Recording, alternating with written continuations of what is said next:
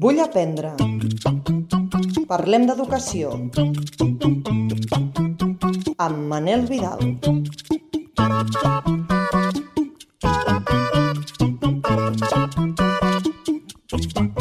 Benvingudes i benvinguts a aquest 34è episodi del podcast Vull aprendre.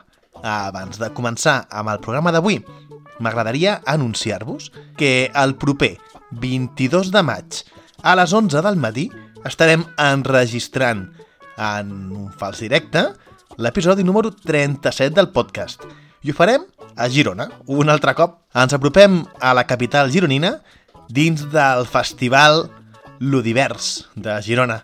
I allà gaudirem de l'enregistrament del 37è episodi d'aquest podcast. Va, no m'enrotllo més, que segur que voleu sentir el que ens prepara el programa d'avui. Aplicacions, recomanacions literàries, experiències de bajotisme i, per finalitzar, una conversa sobre biblioteques i bibliotecàries o bibliotecaris escolars. Què? Comencem? Que jo vull aprendre. I tu?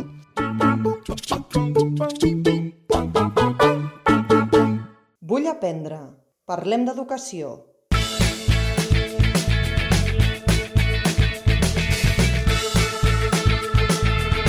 Tastet d'apps.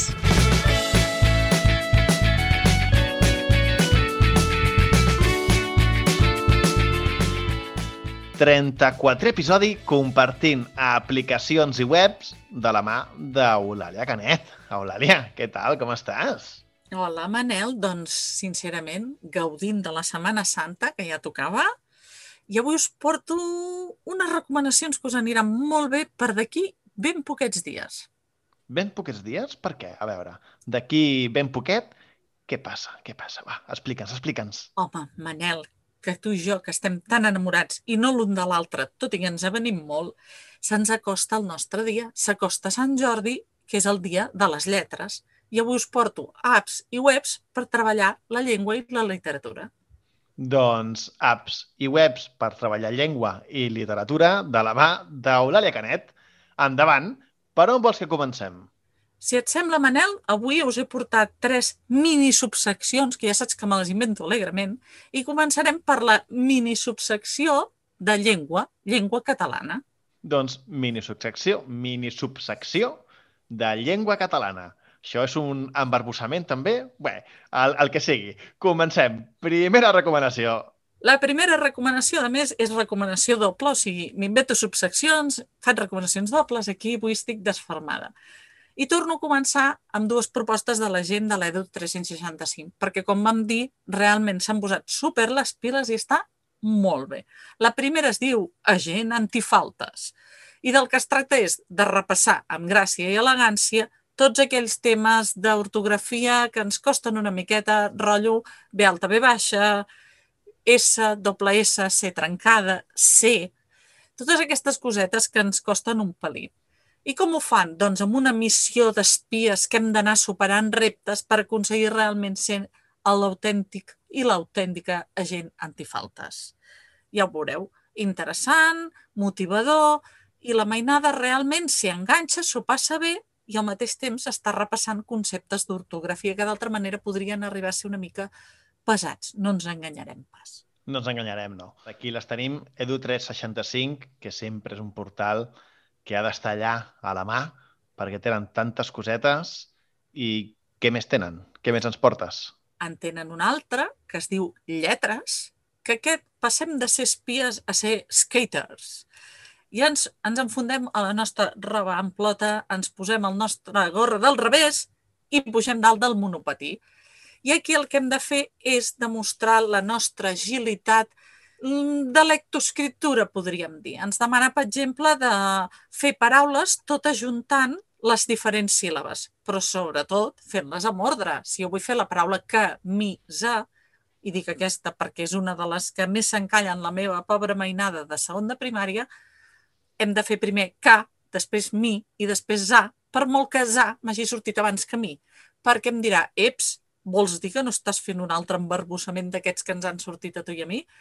Llavors, hi ha aquest, hi ha un altre que és ara et dic una paraula, te l'amago i tu has de buscar en el dibuix quina és la imatge que el representa, etc. Jo l'he fet amb mainada de segon de cicle inicial i l'han seguit bé, tot i que crec que es pot fer tranquil·líssimament per un cicle mitjà i aniran una mica més descansats del que anaven els meus pobrets allò intentant seguir. Ara, s'enganxen, s'ho passen bé i el que dèiem abans, una manera de treballar la llengua àgil, divertida, enganxosa, que pot, pot ser molt motivador per la mainada. Aquí afegim una segona recomanació de la gent d'Edu 365. I a dins la mateixa subseccioneta de llengua catalana si recordeu el capítol 15 de la temporada passada, Manel, quants capítols han passat ja? Uns quants, uns quants. Uns quants de no res. Ja us vaig parlar de, de l'Emília Alcaraz, que és una mestra d'infantil, que és una crac, que és un referent, i que ha creat tot d'apps i de webs, etc, eh, sobretot destinats a això, l'aprenentatge més inicial de la lectoescriptura. Vam parlar d'una app que es deia Saps llegir, i a vos en porto dues més d'ella, una que es diu Pictofrases P, i la P és perquè treballa mm, la lletra P, i l'altra que es diu Mandavin, Mandavines. I un número 1, que suposo que tard o d'hora hi haurà Mandavines 2. Oh. Suposo. El Mandavines és el greatest hits que em diuen les meves companyes d'infantil que els hi encanta, perquè és això, perquè és la típica endevinalla de soc un insecte, tinc puntets i acostumo a ser de color vermell. I a veure què serà. Els hi encanta la mainada, intenten descobrir què és, es posen reptes entre ells i s'ho passen pipa.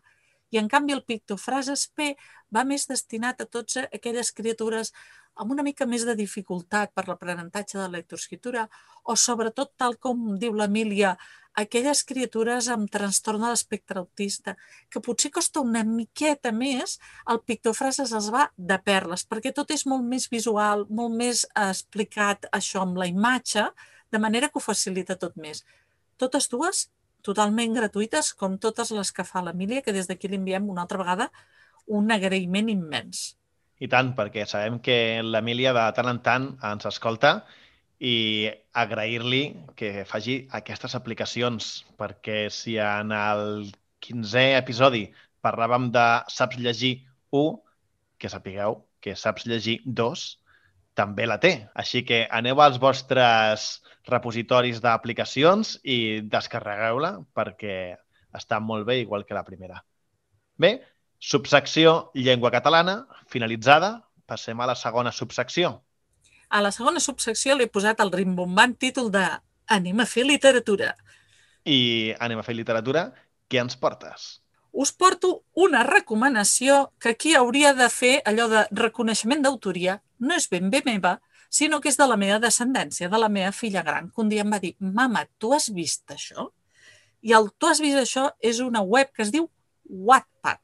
Wattpad és una plataforma per compartir relats allò que dius, ostres, jo ara estic escrivint aquest, aquest relat, aquest conte llarg, aquesta novel·leta, etc i la vull anar compartint per capítols perquè qui vulgui la pugui llegir i em pugui anar dient, ostres, molt interessant, o no m'esperava que aquest personatge li passés això, o, o X.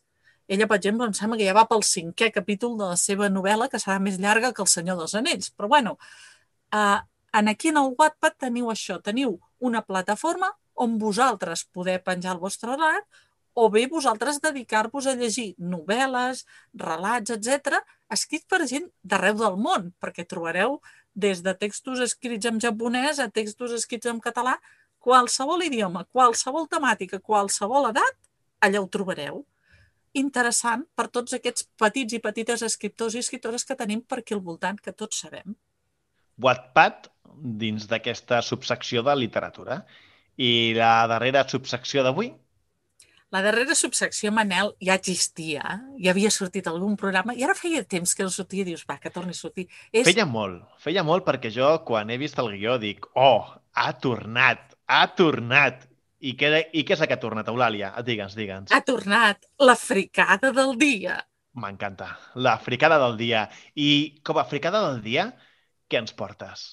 us porto una altra vegada culpa de la filla gran, Character Generator, que traduït seria un generador l'atzar de personatges.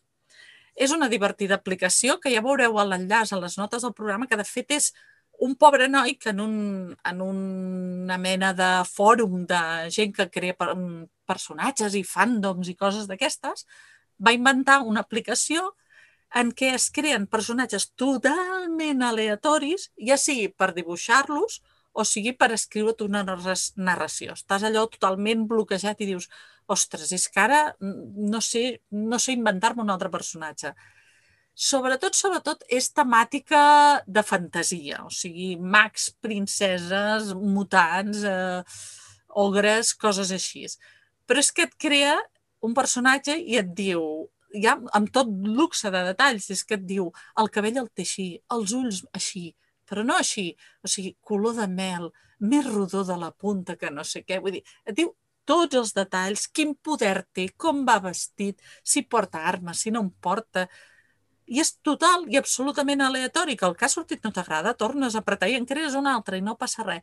És aquella ajudeta per aquell moment de bloqueig, dius, ara com creu jo un personatge? Patapam, Character Generator t'ajuda. I totalment gratuït perquè això, perquè un bailet va decidir que en el món faltava això. I jo dic que sí, que aquesta fricada faltava.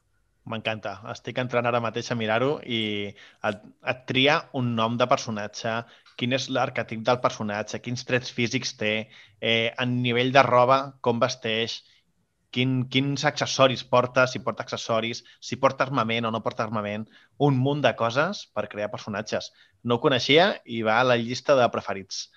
Així que avui apps i webs de llengua, literatura i amb una fricada del dia que feia temps que no teníem. Hola, Lia. Si no ens veiem abans, que tinguis una molt bona diada de Sant Jordi i t'envio una abraçada molt forta des d'aquí i ens veiem en 15 dies. D'aquí 15 dies hi tornem. Que tinguis un gran Sant Jordi. Gaudeix-lo. Adéu.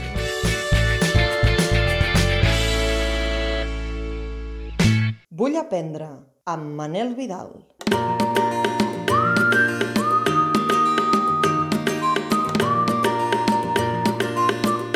El racó literari.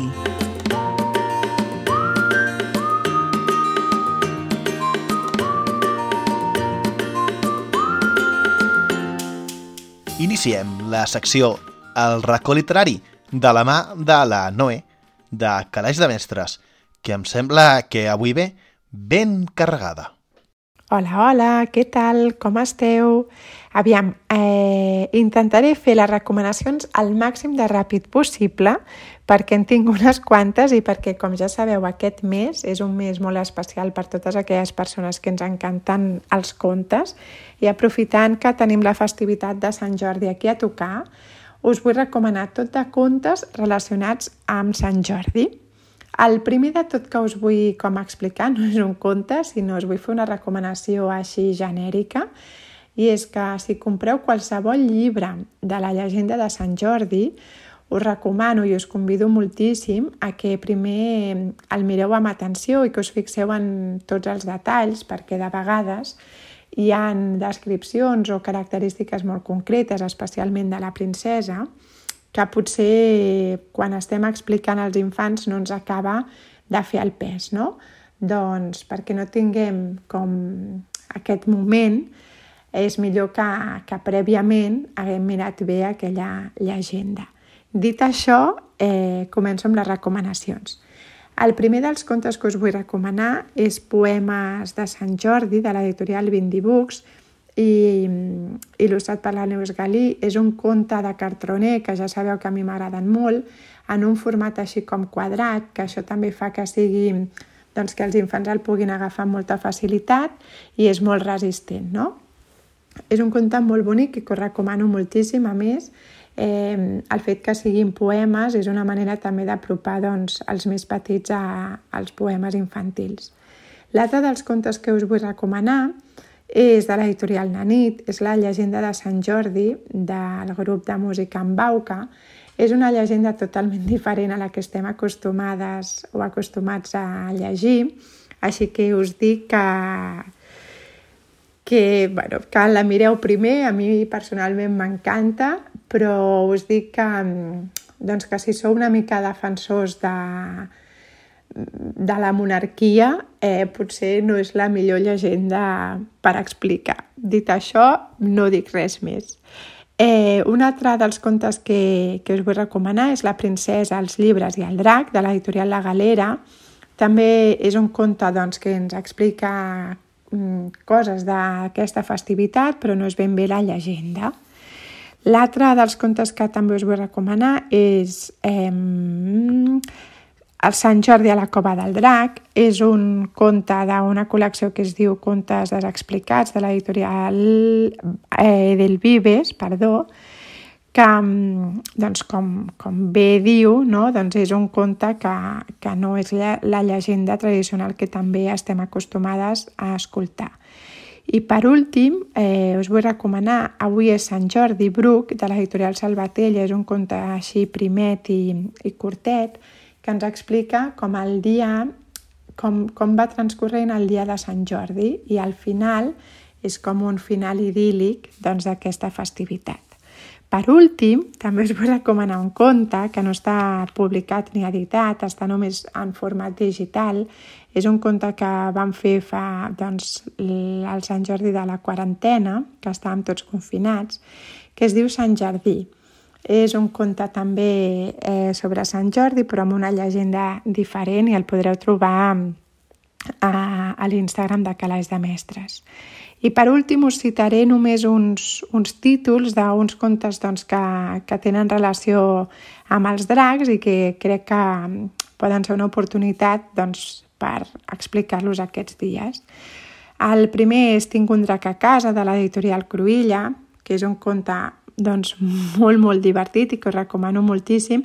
És una miqueta llarg, però es pot explicar doncs, en diferents dies i ja veureu que, que els agrada molt, molt i que amb infants més grans fins i tot es pot fer eh, treballar, ja sé que aquesta paraula no és la que més m'agrada, però eh, tota l'estructura d'una carta, perquè es van sortint tot de cartes a mesura que va avançant la història.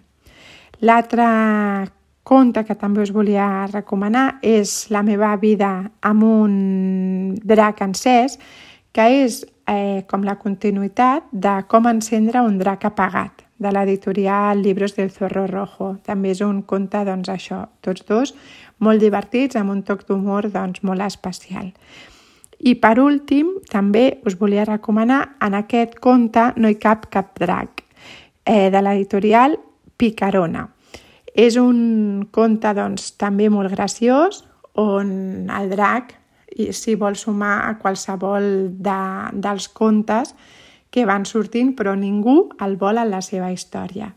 I em sembla molt divertit i, i molt curiós. Així que amb tot aquest recull, que us he dit molts, espero que gaudiu molt d'aquesta festivitat i de tot aquest mes d'abril. Déu-n'hi-do, Noé! Quin llistat de llibres! Recordeu que els trobareu tots enllaçats a les notes del programa i a www.vullaprendre.org. Va, Seguim. Anem a escoltar la Titi a veure quina és la seva recomanació d'avui. Hola, estimats educadors. Uh, ara mateix he acabat un llibre que m'ha deixat profundament commosa.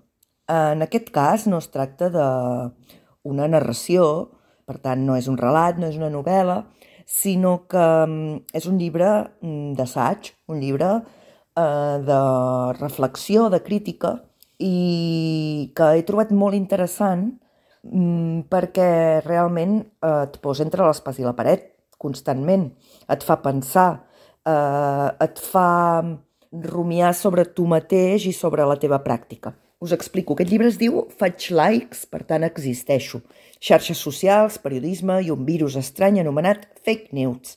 Uh, aquest llibre és de la Isabel Meira, una portuguesa, bueno, de fet és brasilera però està fincada a Portugal, és periodista i va escriure aquest llibre fa justament un parell d'anys eh, per la pandèmia i ha estat publicat per Takatuka ara fa pocs mesos, a finals del 2021, en el nostre país. Aquest llibre ha estat mm, realment, ha tingut molt d'èxit a Portugal i realment eh, ha entrat a dins del Pla Nacional de Lectura del país. A mi em sembla superbé que un llibre d'assaig i, a més a més, actual entri en un pla de lectura. Uh, us recomano moltíssim que el llegiu tots perquè t'interpel·la, t'interpel·la constantment, et fa pensar, parla del, de la història del periodisme, parla del significat de les fake news, del nadiu digital, ens parla dels gegants d'internet, no? del, del que ell anomena monstres, mm, ens parla dels algoritmes, ens parla de, de nosaltres com, no només com a consumidors, sinó també doncs, com a com a productors, no? com, a, com a creadors de continguts. Ens parla de les nostres dades digitals. Ens parla del temps que invertim amb el mòbil i les pantalles. És un llibre pensat per als joves, eh, però està escrit d'una manera que mm, realment pot ser lectura per a tothom eh, jo la recomanaria com a lectura altre cop, eh?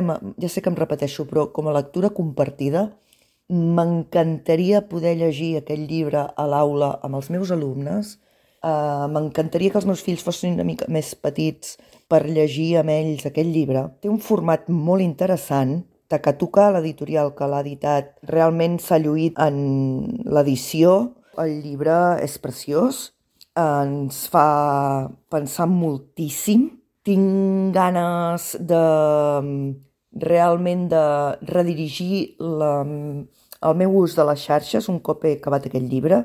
Uh, tinc ganes de redirigir el meu ús de les pantalles i, per tant, uh, considero que és una lectura que m'ha tocat de ple i que, per tant, pot tocar-nos de ple a tots.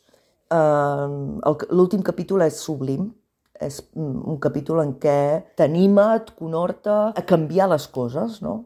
a fer-te veure que hem estat immersos en un procés um, sense aturador, que no en tenim la culpa perquè se'ns ha menjat tot aquest món, però que ara ens toca a nosaltres responsabilitzar-nos i aturar una mica eh, els gegants dels algoritmes, els gegants d'internet, eh, que no facin servir les nostres dades gratuïtament i nosaltres no cedir-les amb tanta alegria i tanta gratuïtat, no? sinó amb reflexió, amb esperit crític i amb una mica de, el que dèiem, responsabilitat.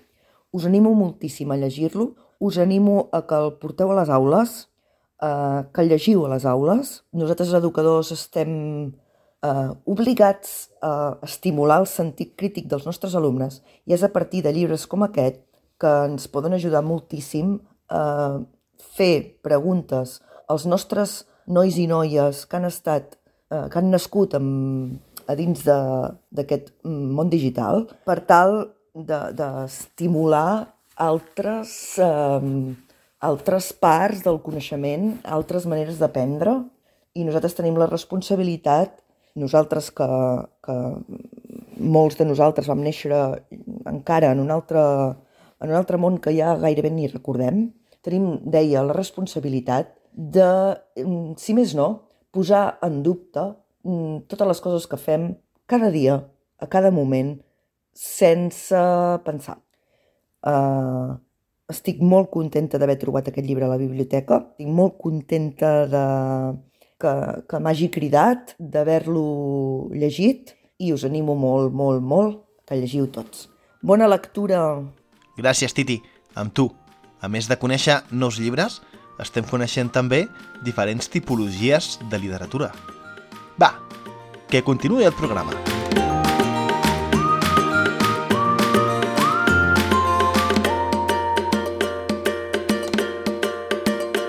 Parlem d'educació. Volem jugar amb Laboratori de Jocs.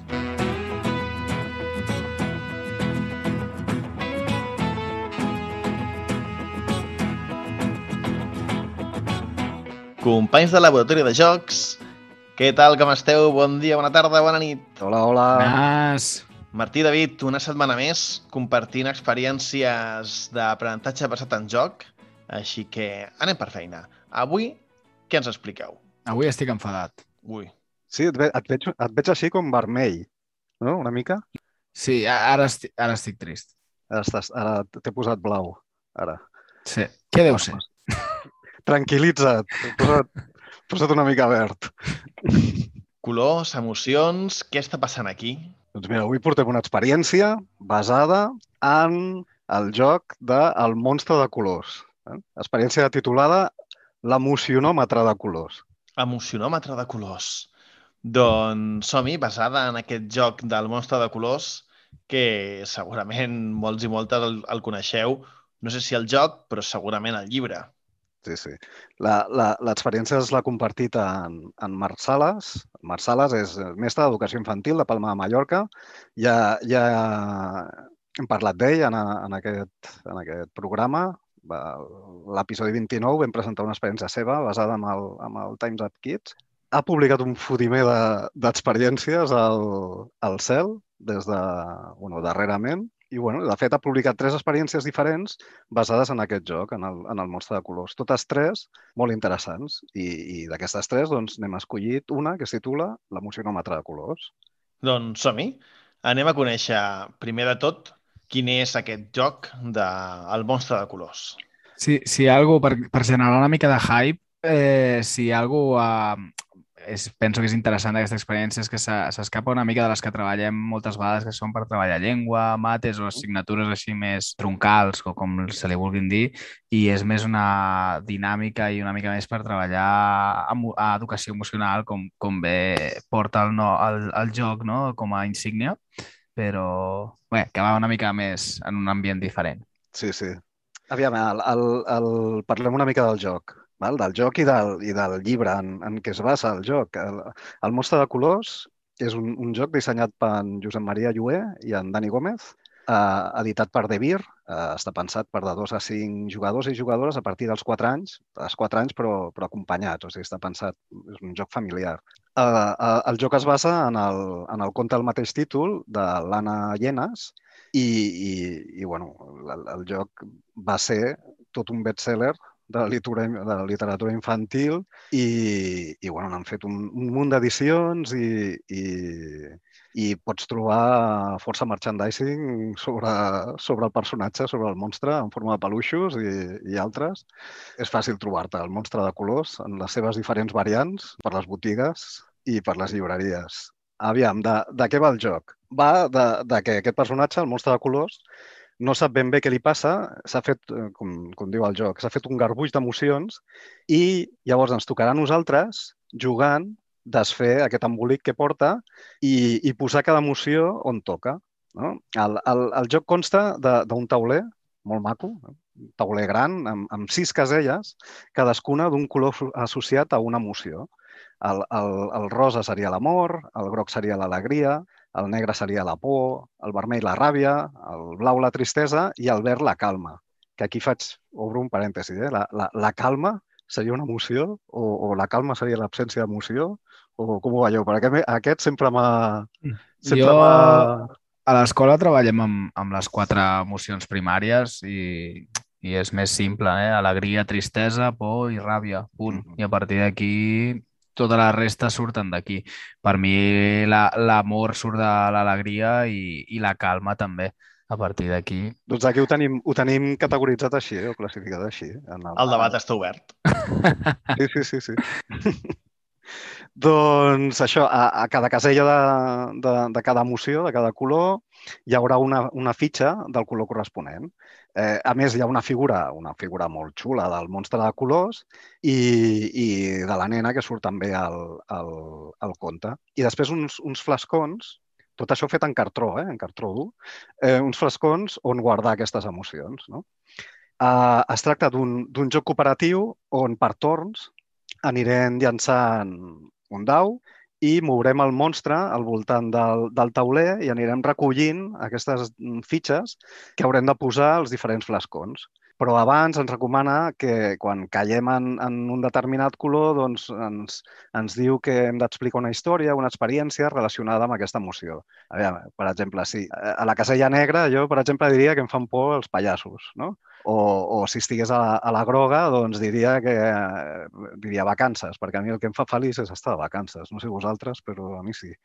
Eh? I en essència seria, seria aquest el joc. Val? És, és, és un, un joc bàsicament de, de, de llançar el dau i d'anar movent, no? I de memòria, perquè en el moment en què tens una fitxa, doncs has d'escollir un dels flascons i l'has de girar i si coincideix el color, doncs ja és un pler d'aquell flascó. I si no l'has encertat, doncs tornes a deixar la fitxa i després hi ha un altre, eh, un flascó així com, com raro, que, que el que fa és que agafis dos flascons que estiguin, que estiguin ocults, que estiguin girats, i els canvies de lloc. Llavors, això mm, dificulta una mica no, el, el tema d'identificar quin, quin és el que, el que t'interessa girar en aquell moment i tal. Però no, no té més, és un joc molt senzillet i, i, i que el que pretén és això, eh, eh, propiciar no, el, el parlar de les emocions, etc etc. Molt bé. I en aquest cas, el Marc Sales ha agafat aquest joc, l'ha portat a l'aula i què ha fet? Doncs mira, aquesta vegada, com dèiem, més que una activitat, el que ha creat és una dinàmica. D'entrada, posem en context, es tracta d'una aula mixta amb 11 alumnes de 3 anys i 7 de 4, i on a vegades tenien un company al qual a vegades, per motius propis, es mostrava agressiu amb els demés i, i això també provocava la enrabiada dels altres de no entendre per quin motiu eh, passava això. A través del monstre de colors, eh, eh, veuen un, veu una manera no, de, de crear una activitat que després es quedi instaurada per tal d'aprendre a gestionar millor aquestes emocions. Per fer aquesta activitat va utilitzar un tub de cartró decorat com el monstre de colors eh, quan no té les emocions ordenades, així aquest garbuix que dèiem, i el qual va anomenar l'emocionòmetre que havíem sentit en el títol.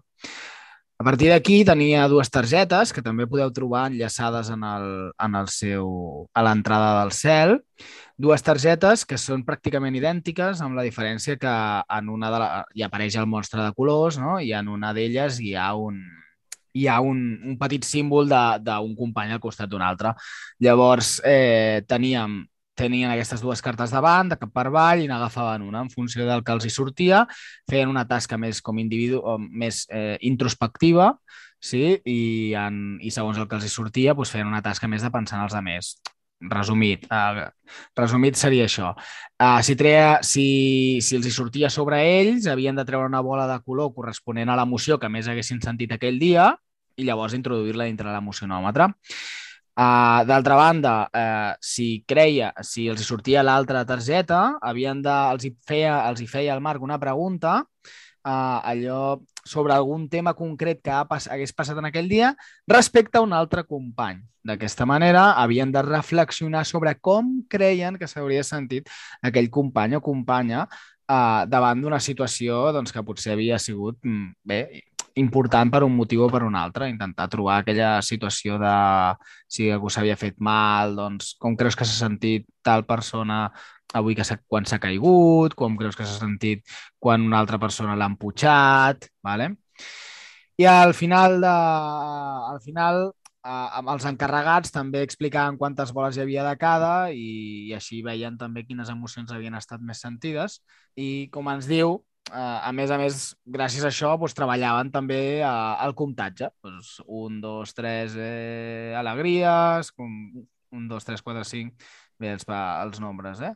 Uh, llavors, uh, com a objectius assolits que, que ens, a part d'aquest, no? el que és evident d'identificar i reconèixer les emocions pròpies i alienes, la psicomotricitat fina, fina doncs, feien servir unes pincetes també per treure aquests colors, la qual cosa també feia treballar aquest aspecte, la comparació de quantitats, l'establiment de classificacions i, per últim, l'activitat reflexiva sobre les nostres accions i les seves conseqüències, tant en nosaltres com en els altres. Molt bé, com segurament podeu escoltar, oients, els jocs poden ser part de l'aprenentatge des de moltes vessants i en aquest cas el Marc ho ha fet des d'una vessant més del treball tutorial o d'educació en valors. Així que qualsevol experiència que us vingui a la ment la podeu portar al cel. I mai més ben dit. Ben amunt. la podeu pujar al cel. Sí, sí. Bé, Martí i David, no us enredo més, que estem de Setmana Santa i segurament voldreu descansar. Ens veiem en 15 dies. Apa. Apa! Adéu! Adéu, adéu.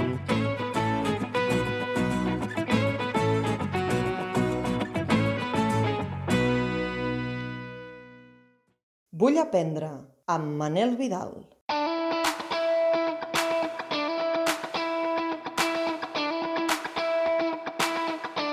Mestres en xarxa.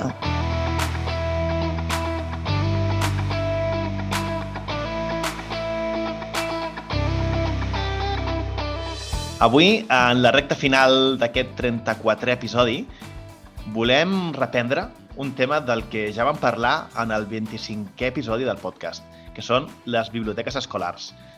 Si sou seguidors del programa haureu sentit que alguns dilluns, de fet, tots els dilluns des de fa unes quantes setmanes, i ja van 12, si no recordo malament, ens trobem a Twitter i parlem sobre diferents temes que triem entre la comunitat docent de Twitter.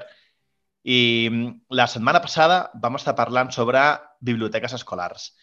I a mi em va quedar el coquet de dir aquí hem de convidar al Carlos perquè ens expliqui una miqueta més què és això de les biblioteques escolars i aprofundir en alguns temes perquè la veritat és que en sap molt. Avui tenim el Carlos Ortiz, ell és bibliotecari titulat per la Universitat de Barcelona i ha treballat en biblioteques escolars d'instituts de secundària pública des de fa uns 15 anys. A més, és membre del grup Bibliomèdia i del grup de treball del Col·legi de Bibliotecaris i és formador en temes afins a la biblioteca escolar. Ell va crear el blog Bibliotecario en l'escola i bé, Carlos, benvingut al podcast. Moltes mercès. Amb el Carlos eh, coincidim que els dos estem a l'organització no? d'aquest entre docents i quan va sortir el tema de biblioteca, que ja ha sortit un parell de vegades, el Carlos és un pou de saviesa perquè, a més a més, és el tema que li agrada. I vaig dir, Carlos, has de venir al podcast a explicar-nos una mica de més, això. Sí, sí, no, re, realment és un tema que m'apassiona, més enllà de ser la meva professió. Uh, també tinc una anècdota molt curiosa perquè jo quan estava estudiant a la facultat el que tenia clar és que volia acabar treballant en una biblioteca on no hi hagués nens. Però, mira, em fico a treballar en biblioteques escolars i descobreixo una mica la, la meva vocació no? pel fet això, no? perquè crec que és un dels pocs llocs on podem treballar en què s'ajunta la pedagogia, la psicologia i la, i, i, i la nostra professió des d'un punt de vista més tècnic, no? I, i aquesta barreja de coses doncs, és, és, em va com impactar no? el, el poder fer tot això i realment és molt vocacional el que sento per la biblioteca escolar, així que, que m'hi dedico en el meu temps professional, però també dedico després moltes hores del meu temps lliure, llegint molt, intentant aprenent, fent molt networking amb bibliotecaris escolars d'altres països a través de xarxes socials. Així que, bueno, sí, ho has encertat. El que tinc per la meva professió és passió. És passió. Doncs, des d'aquesta passió que desprens i que comparteixes, anem a posar una mica el, el focus perquè les persones que ens escolten aterrin no? sobre el tema que tractarem avui. I si parlem de biblioteca escolar, a què fem referència? Doncs, a veure, per començar, si parlem de biblioteca escolar, el que estem parlant és d'una infraestructura obligada per llei. En concret, la Llei d'Educació de Catalunya, l'article 88, el que diu és que tot centre d'educació universitària ha de tenir una biblioteca escolar. El problema és que la llei tampoc aprofundeix més en què és una biblioteca escolar. Clar, si, si preguntem, si, si fem servir la paraula biblioteca des d'un punt de vista tècnic, que és el que entenc que quan estem parlant en lleis estem parlant en un llenguatge tècnic, la biblioteca és eh, la suma d'un espai, un fons i uns serveis. Uns serveis que, a més, idealment haurien d'anar més enllà del préstec. És a dir, haurien de tenir un servei d'informació, d'assessorament en temes professionals, acadèmics i personals per tota la comunitat educativa. Haurien de tenir també un servei de recolzament a la docència recolzament a l'aprenentatge I a part d'això, doncs, la biblioteca és un pilar en la competència informacional, mediàtica, científica, digital i, per descomptat, un pal de paller en noves alfabetitzacions de qualsevol tipus que estan sortint ara, sigui programació robòtica, sigui creació de pàgines web, informació mediàtica, com ja hem dit abans, etc. Aleshores, eh, també després hem de tenir en compte que totes les publicacions, també les del departament, el que, el que, en par, el que ens parlen quan ens parla de biblioteques, és de la biblioteca com a centre de recursos, com a centre de recursos del centre, que aquest centre de recursos ja siguin en format llibre, en format de recursos electrònics, en format àudio, en format audiovisual, el que tenen com a objectiu és a recolzar tot el, tot el projecte educatiu, tot el currículum, tot el currículum pedagògic del centre. Perquè això és una cosa que de vegades s'oblida o de vegades no se sap, quan, quan te falta, diguem-ne, la base tècnica de les biblioteques, però les biblioteques no existeixen, perquè sí, les biblioteques sempre existeixen dintre d'una entitat mare, d'acord? I aquesta entitat mare és l'escola. I aquestes biblioteques que existeixen dintre d'aquesta entitat mare sempre tenen com a objectiu no la mera existència, sinó existir per fer complir o ajudar a complir els objectius d'aquesta entitat mare. Per tant, és important això, el conservar, el conservar aquesta biblioteca escolar com el centre de recursos i com un recurs pedagògic que està al servei doncs, de l'equip directiu i de tot el cos docent i de, tots a, i de tot l'alumnat. D'acord? A més, també m'agrada afegir... Sí, digue'm. Entenem que estem parlant d'un espai, un recurs que ha d'afavorir l'aprenentatge, llavors. Sí, sí, sí, no, no, naturalment. L'objectiu de la biblioteca escolar, més enllà de a ser una biblioteca i fer préstec, l'objectiu principal és recolzar tot el projecte pedagògic del centre i ajudar l'equip directiu en tot el que necessiti. Perquè al final és això, al final una biblioteca no existeix per, perquè sí, no? El que passa que és el que te comentava, quan estàs fora de la professió, la raó de ser de la biblioteca doncs no l'acabes de veure clara, no? Perquè t'has acostumat a veure biblioteques per, per, pels barris, per les ciutats i mai, mai t'has preguntat ben bé per què se posa una biblioteca. Sabem que les biblioteques han d'estar, sabem que les biblioteques és un lloc on hi ha llibres, on podem accedir gratuïtament a, a la cultura, principalment en el llibre, no? Però, per exemple, si te'n vas a biblioteques especialitzades que existeixen, biblioteques d'un hospital, quin objectiu té la biblioteca d'un hospital? Doncs té un doble objectiu, la biblioteca d'un hospital, afavorir i donar recursos de lectura als pacients, però després té una banda investigativa de totes les investigacions que se fan a l'hospital, doncs que els professionals puguin allà, allà a completar o a consultar dubtes que tinguin sobre la seva feina, sobre les investigacions, etc. Quin objectiu té una biblioteca universitària? Doncs una mica igual, no? perquè al final la biblioteca universitària és el que més s'assembla a la biblioteca escolar. Té un doble objectiu la biblioteca universitària, tota, un altre cop, tota la banda d'investigació que se fa, tota la tasca d'investigació que se fa, recolzar tota aquesta tasca d'investigació, però recolzar també la tasca docent del professorat. No? Per tant, quan ens anem a la biblioteca escolar, això s'aplica igual. No és que haguem de tenir una biblioteca escolar perquè ho diu un article de la llei o perquè, naturalment, des d'un punt de vista molt cultural ha d'estar, sinó, no, no, la raó de ser de la biblioteca escolar és recolzar tots els aprenentatges, recolzar tota la tasca del professorat, recolzar tot el projecte curricular que té eh, l'equip directiu en ment. I això és molt interessant perquè això canvia la raó de ser d'una biblioteca.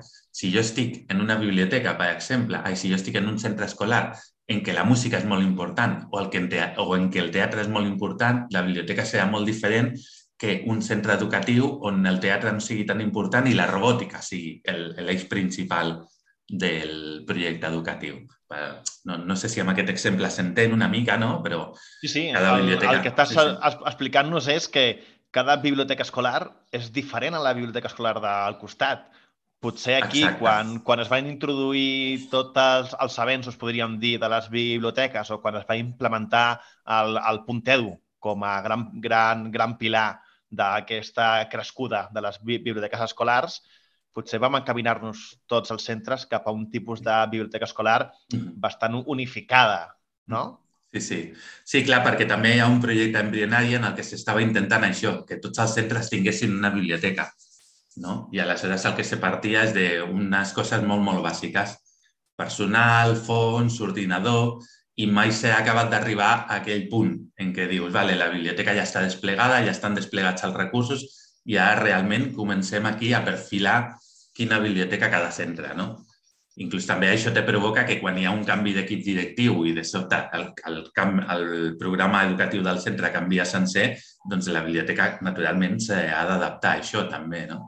Vull dir que és això, la biblioteca és el centre de recursos i quin és l'objectiu de la biblioteca, més enllà de fer préstec i que l'alumnat pugui accedir a la lectura? Doncs això, funcionar com a centre de recursos que el que fa és equip directiu, què necessitem? Doncs nosaltres des de la biblioteca intentarem donar-vos dintre del, dels nostres rols que tenim, d'acord? Doncs tot el que necessiteu perquè pugueu tirar endavant la vostra tasca directiva. Eh, professorat, què necessiteu?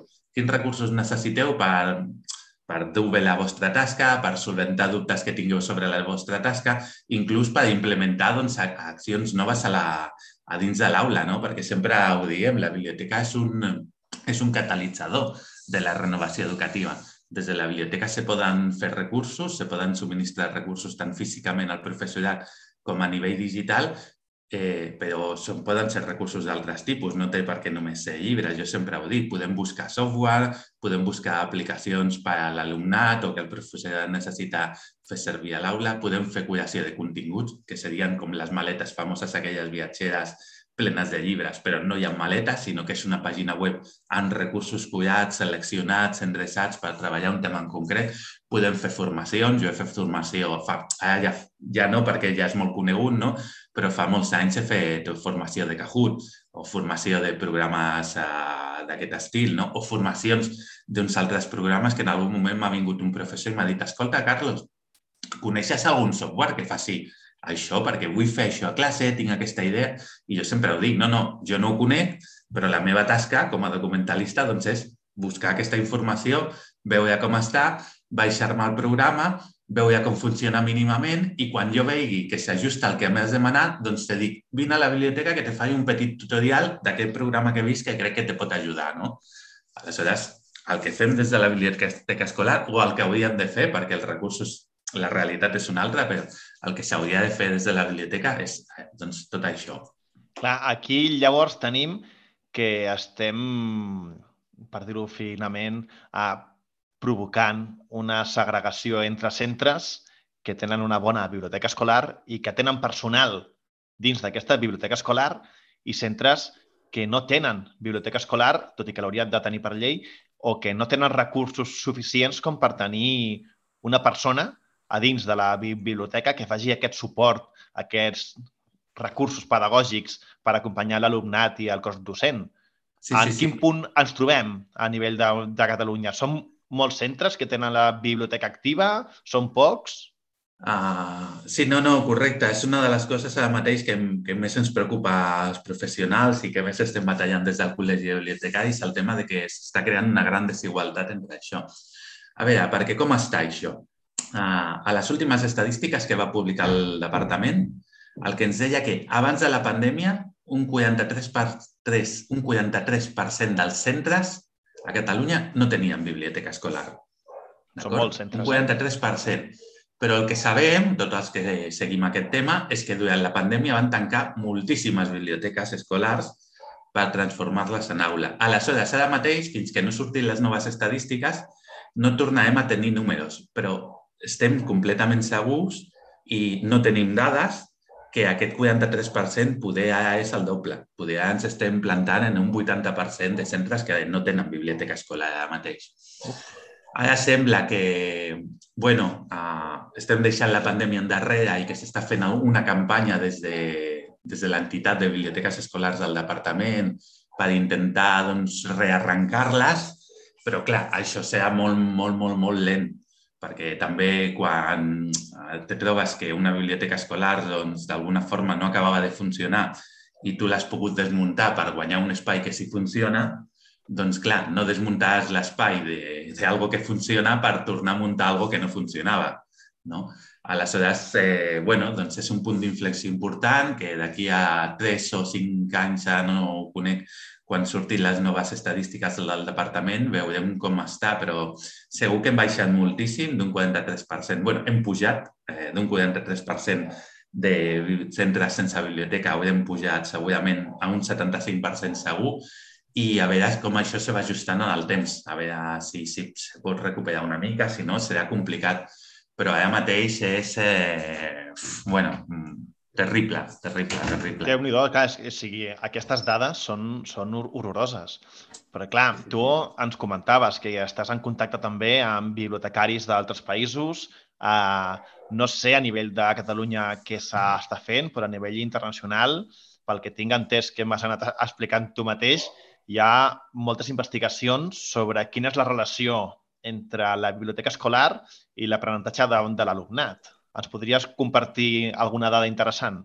Sí, hi ha, hi ha moltíssimes investigacions. Ja fa més de 30 anys que s'investiga l'impacte que tenen tant les biblioteques escolars com la presència d'un bibliotecari escolar titulat al centre. I la veritat que és, bueno, o sigui, nosaltres ja ho intuïm, els professionals que treballem, però som prou sorprendents per la gent que no coneix el tema. Uh, els, fa més de 30 anys que hi ha estudis, molts estudis, fets des del camp de la biblioteconomia, però també fets des del camp de la pedagogia, que diuen que la presència d'un bibliotecari titulat al centre puja fins a un 30% a les proves estandarditzades al resultat de l'alumnat. Sí, inclús en matemàtiques, que, que això és una cosa molt, que te pot sorprendre molt, però bueno, els que treballem amb lectura sabem que quan puja la competència de lectura pugen totes les competències. Per tant, la lectura és la competència base i això que pot sorprendre molt algú que estigui molt desconnectat d'aquest tema, doncs és així. Però inclús també que puja l'autoestima de l'alumnat. Per què? Perquè la biblioteca és un espai on se desenvolupa molt l'autonomia i l'autonomia doncs, està molt relacionada amb el tema de l'autoestima. Així que també inclús tenim estudis que el que ens diuen que quan hi ha una biblioteca escolar que funciona amb un pressupost digne, amb un bibliotecari escolar titulat, els alumnes d'aquell centre inclús pugen l'autoestima. Eh, alguna vegada ens han dit, bueno, és que, clar, és que aquests estudis els feu els bibliotecaris, o és que, clar, aquests estudis poden tenir un deviatge de que, clar, normalment als, als centres on hi ha cert teixit social doncs és els centres que acaben tenint més biblioteques. Doncs ara, no fa molts anys, sortia un uh, estudi que s'havia fet en Estats Units, tots coneixem una mica la realitat social dels Estats Units, i s'havia fet només en centres amb alumnes negres o de majoria negra, en barris molt degradats. I inclús en barris molt degradats se complia aquest, aquest, diguem-ne, aquesta evidència científica que porta anys de repetint-se. O sigui que, independentment del teixit sociocultural, de la família, de l'estat econòmic i cultural de la família, quan tens un bibliotecari al centre, hi ha un impacte molt, molt, molt positiu en l'alumnat. També hi havia una cosa molt curiosa que vaig arribar a llegir, que la presència d'un... Això no, és gaire, no seria gaire important a Catalunya, però sí que és important, perquè per al professorat és una cosa important, que la presència d'un bibliotecari al centre ajudava a retenir el talent. Per què? Perquè quan entra un professor nou, que no coneix ningú al centre, el primer lloc on va sempre a demanar ajuda és a la biblioteca escolar. I allà el bibliotecari escolar el que fa és acollir-lo, fer-li una presentació de la biblioteca, fer-li una mica una presentació del centre, parlar-li sobre el centre, sobre els companys. I bueno, és una eina també doncs, important perquè, els, perquè el professorat que aterra nou doncs, aterri d'una forma suau també al centre, més acompanyada, més, més tutoritzada, algú que si tenia algú al centre que simplement el que fa és dedicar temps a resoldre dubtes del centre, a resoldre dubtes de com funciona el centre, a on puc trobar aquesta informació que estic eh, buscant, a qui em pot contestar això dins del centre, qui que vull fer això, a qui li he de demanar, no? Doncs inclús també és important per això, per tenir unes bones acollides, al tenir bibliotecari doncs, també el que fa és, és això, fomentar uns bons transpassos, fomentar uns bons aterratges del personal docent i, naturalment, doncs, eh, té, eh, que estigui a gust dintre del centre i que és un input més perquè aquella persona tingui ganes de quedar-se en el centre. No? També ens diu això la investigació, que també quan hi ha un bibliotecari escolar doncs el professorat està més a gust, comença a treballar millor en aquell centre i té més ganes de quedar-se en aquell centre. déu nhi A nivell de, de Catalunya, ara que ens has compartit algunes dades importants, Tenim algun exemple de biblioteca escolar o de xarxa de biblioteques escolars que funcioni com ha de funcionar? Vale, clar, aquí hauríem de... O sigui, això és una cosa que no hem comentat al principi, però aquí hauríem de discriminar primària i secundària. No té res a veure una biblioteca de primària, que sí que té un paper molt més lector, d'acord, que una biblioteca de secundària, que sí que seria més semblant al model d'una biblioteca universitària. Jo estic especialitzat en secundària. Per tant, de primària conec poc. D'acord? Sí que és veritat que tenim l'escola Orlandai, que porta molts anys amb una biblioteca escolar que funciona molt bé. Tenim l'escola on treballa l'Ala de Reyes, que ara només el nom, que també és... Ells no sé si tenen biblioteca, però funcionen molt bé per biblioteques d'aula, ara ho desconec, però sí que són també un referent.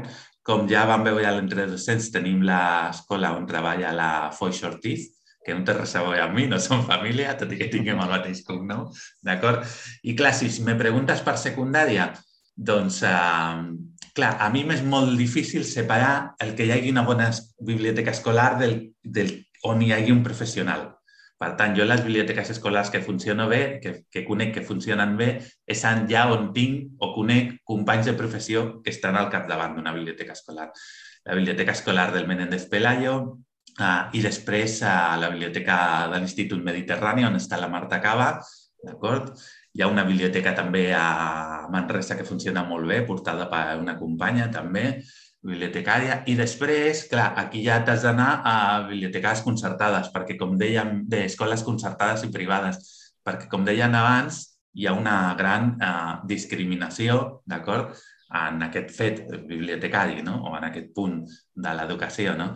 I clar, el que trobes és que eh, escoles concertades amb molta tradició, institut francès, escola suïssa, escola alemanya, doncs totes aquestes escoles tenen un bibliotecari contractat a jornada sencera, que no és el que ens passa als que treballem a la biblioteca pública, i amb uns projectes que porten molts anys, molta continuïtat, que també és molt important, no, no hem parlat d'això, però el tema de la continuïtat és molt, molt important, i que hi hagi una persona, que hi hagi una persona que no canvi cada any, com passa quan no hi ha un bibliotecari, que hi ha un coordinador de biblioteca que impulsa la biblioteca, la impulsa durant un any, dos o tres, deixa de ser coordinador perquè marxa al centre o simplement perquè diu, esto, esto, jo, jo me canso d'això, això és impossible, d'acord? Entra una altra persona que ha de fer tot un altre cop, tota la feina que s'ha fet des de zero, perquè no hi ha aquest traspàs tampoc de dir, vale, marxa una persona, entra una altra, però ni que si queden un dia aquestes dues persones, l'entrant i la sortint, una mica a part, doncs no, això el departament tampoc ho contempla, el fer aquest transpàs, i per tant el que tenim és que quan no hi ha un bibliotecari contractat el que és és el dia de la marmota. Entra un docent, marxa, entra un altre docent, que normalment no està format en biblioteca ni en documentació, s'ha de formar al mateix temps que arrenca tot el projecte de biblioteca i als dos o tres anys un altre cop, un altre cop, un altre cop. I també és un dels grans problemes que hi ha, que també estem intentant parlar amb el departament des del Col·legi de Bibliotecaris i des del grup Bibliomedi i dir, no, no, és que a part de la formació, aquesta persona ha de tenir la continuïtat. I la continuïtat, i jo vaig més enllà, aquesta persona hauríem d'intentar que no fos docent, aquesta persona hauríem d'intentar que fos pas, personal d'administració i serveis. Per què? Perquè ja tenim l'experiència que quan falta un professor, l'equip directiu el que fa és, no, no, el professor que hi ha a la biblioteca, que tanqui la biblioteca i que vagi a l'aula. I clar, la forma de que no passi això és que aquesta persona no pugui en un principi donar classes. No, no, aquesta persona és pas, per tant, no tanquem la biblioteca perquè aquesta persona vagi a un altre lloc. Aquesta persona és l'encarregada de la biblioteca i, per tant, el que està aquí i no pot fer una altra cosa com, com no ens acudiria enviar el cuiner del menjador a fer classe o enviar el conserge a fer classe. Però què passa? Que quan el bibliotecari és mestre, això sí que se li acut a algú. Sí que se li acut a algú, moltes vegades es fa i moltes vegades el que trobem és que la biblioteca s'acaba tancant definitivament perquè se necessita un professor a altre lloc i s'agafa aquest que és el més fàcil i el que passa és això, que se tanca la biblioteca. déu nhi Carlos. Ets un pou de saviesa bibliotecària i podríem estar aquí xerrant moltíssima més estona. Um, sap greu haver de tallar aquí la conversa perquè el cert és que has aportat moltes dades, moltes informacions. Encara podríem entrar en molts altres temes de biblioteques escolars, com per exemple experiències que hi ha d'alguns ajuntaments no? que paguen a bibliotecaris, sí, sí. com és el cas de Cornellà, de Cornellà si no recordo sí, sí, sí. malament. Cornellà i Girona, la, el municipi de Girona també ho fa. Sí, Girona. Sí. Carlos Ortiz, avui hem parlat amb un bibliotecari d'aula, d'escola, de, que està a un centre d'educació secundària pública, en aquest cas. Abans d'acomiadar-te, m'agradaria compartir una frase que vas dir a l'Entre Docents que a mi em va quedar marcada perquè és realment cert, que és que quan en els centres parlem de biblioteques escolars i biblioteques d'aula, a vegades ens, ens, ens equivoquem una mica, no? Perquè una caixa amb llibres no és una biblioteca d'aula, igual que una farmaciola no és un hospital d'aula. I a mi això em va marcar per, per pensar més enllà del que porta una biblioteca escolar. Sí, Així que... Només comentar-te que no és meva aquesta frase, que és del president del Col·legi de Bibliotecaris, la va dir És el ell. presi, doncs des d'aquí saludem al, al president. Sí, sí. que... Carlos, ens veiem a l'Entredocents i Molt bé. setmana a setmana. Moltíssimes gràcies per aquesta estona, per compartir-nos tantes coses sobre les bibli- biblioteques escolars. Vinga, adeu-siau. Vagi bé.